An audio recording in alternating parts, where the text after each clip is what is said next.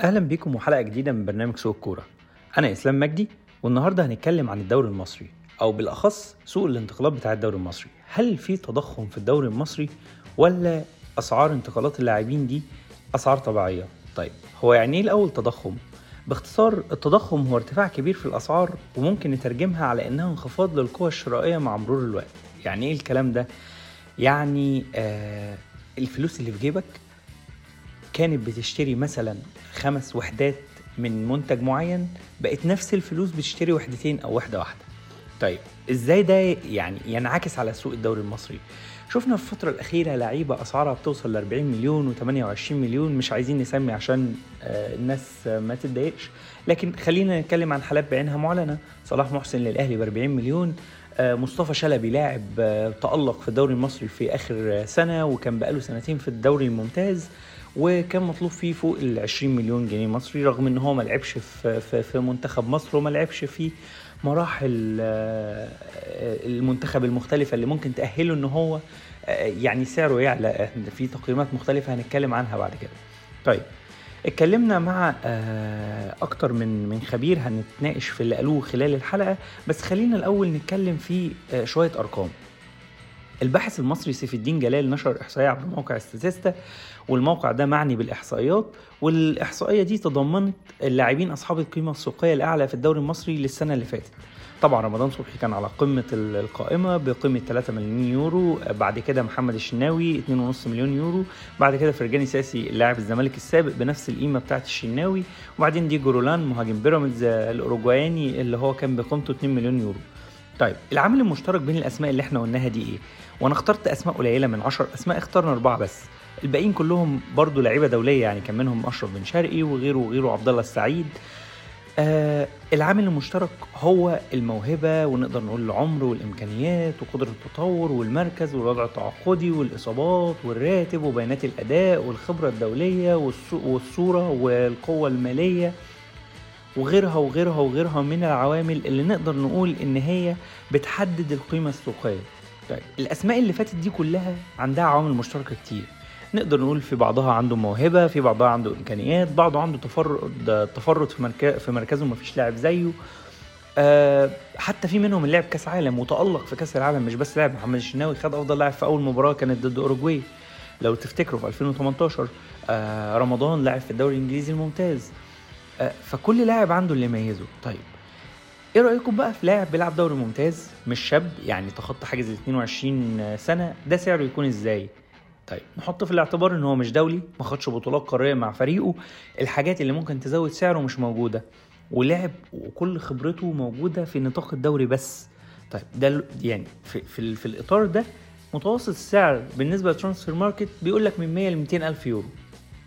طيب إحنا اتكلمنا مع الحسيني حسن وده صحفي متخصص في الاقتصاد في قناة المشهد وقال لنا إن التضخم موجود في الدوري وشغال لاعوام كبيرة متواصلة وفي مقاييس مختلفة لعملية تقييم أسعار اللعيبه في الدوري المصري. هو بيقول إن المثال بالنسبة له صلاح محسن وصلاح محسن في إم بي تضاعفت قيمته السوقية من 50 ألف يورو ل 150 ألف يورو في ست شهور تقريبا. لو ربطنا ده بالاقتصاد في في التوقيت اللي ارتفع اللي ارتفع فيه سعر صلاح محسن ده كان بعد تحرير سعر صرف الجنيه المصري وقتها. ولو بصينا للتضخم في السوق المصري وقتها ما كانش كبير لكن ارتفاع قيمة كان أشبه ب 200% وده رقم كبير جدا مقارنة باللي حصل للاقتصاد المصري وقتها. طيب محدش عارف ده بيحصل ليه وده كلام الحسيني مش كلام يعني مش كلامنا إحنا طيب قال إن في حاجات كتيرة في السوق مش مفهومة. طيب رحنا لخبير تاني عشان يشرح لنا ويفهمنا وده ليه باع وذراع في عالم التسويق وكرة القدم. وده ضياء صلاح المدير الرياضي السابق لنادي أسمنت أسيوط والمحاضر في جامعة القاهرة لدبلومة الإدارة الرياضية التابعة للاتحاد الدولي لكرة القدم فيفا. ضياء قال إن انتقالات اللاعبين قد ما هي أمر مهم وفعال في صناعة كرة القدم إلا إن الدوري المصري عنده مشكلة كبيرة في التعاطي مع آه، استخدام الوسائل المتاحة بالنسبة له عشان يحل المشكلة دي. لأن ببساطة أندية كتير عندها أهداف على المدى القصير. محدش بيفكر على المدى الطويل أو بي بي بي بيعمل خطط بعيدة لسنوات واعوام مقبلة. كله بيفكر أو بيبص تحت رجليه زي ما بنقول بالعامية. هو رفض يتطرق لتفاصيل حوالين الأرقام أو أسماء اللاعبين وقال إن كل الناس عارفة التفاصيل دي لكن الأندية بتصرف مال كتير جدا على لعيبة ما عندهمش مميزات أو معايير م... تلائم سعرهم أو أو ما يعرف بالإنجليزي بالكي بي آيز اللي ممكن تضم عشان لعيب بالسعر ده. رجعنا تاني للحسيني. قال إن عملية التقييم بتحصل بشكل عشوائي. قال إن الوكلاء هم اللي بيقيموا لاعبيهم بشكل عشوائي بش... هي العامل الأكبر المؤثر على عملية التضخم في الدوري المصري. بجانب العرض والطلب اللي هم بيتحكموا في أي سوق من أي نوع. طيب رحنا وعشان نوضح الفارق ده عملنا دراسة على 10 لعيبة في الدوري المصري. رحنا موقع Transfermarkt وشفنا أكتر لعيبة اتاثرت قيمتهم في الدوري المصري وحصل لهم انخفاض كبير في الفترة الأخيرة. لقينا إن في نسبة الانخفاض من 16 ل 57% أحيانا.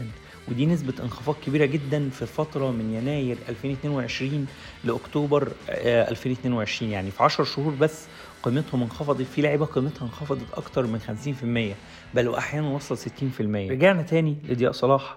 فقال إن هو من خلال وجوده داخل عالم كرة القدم المصرية قال إن العوامل المتضمنة في تحديد أسعار اللاعبين مش بينها الجانب التقني زي الإمكانيات أو الحاجات اللي الناس متصورها لكن إن سعر اللعيب ممكن يبقى مرتفع أحيانا لأن عنده وكيل لاعبين جيد أو عنده نقطة تواصل بينه وبين ملاك الأندية. المذيع والمنتج المصري محمد جمعة آه اتكلمنا معاه برضو. قال إن اللعيب بيلعب مباراتين أو ثلاثة وبيتألق فيهم وخلالها سعره بيرتفع بشكل جنوني ومش منطقي. سعره بيتحول من 2 مليون ل 10 و12 مليون بشكل مبالغ فيه بحسب وصفه بطريقة مش طبيعية.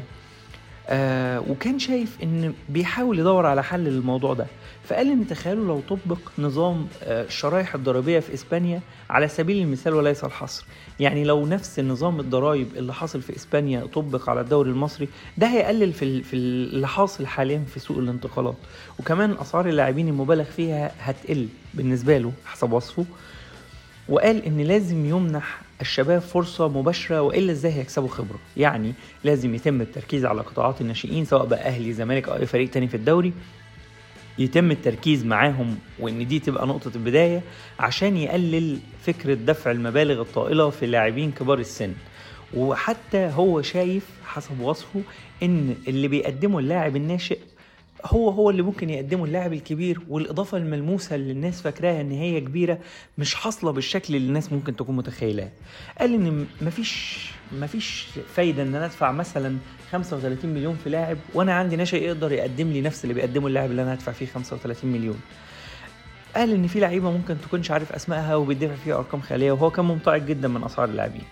على الجانب الآخر رجعنا للخبير ضياء صلاح اللي قال إن استكشاف اللاعبين ده تحدي تاني للأندية لأن الأندية لازم تشتغل على نظام الكشافين وتحليل الأداء عندها عشان يشوفوا اللعيبة ويقيموها ويشوفوا الفلوس اللي هتتصرف دي هترجع لهم إزاي وإزاي إن أنت لما تصرف آه، مبلغ يترد لك تاني في أشكال مختلفة.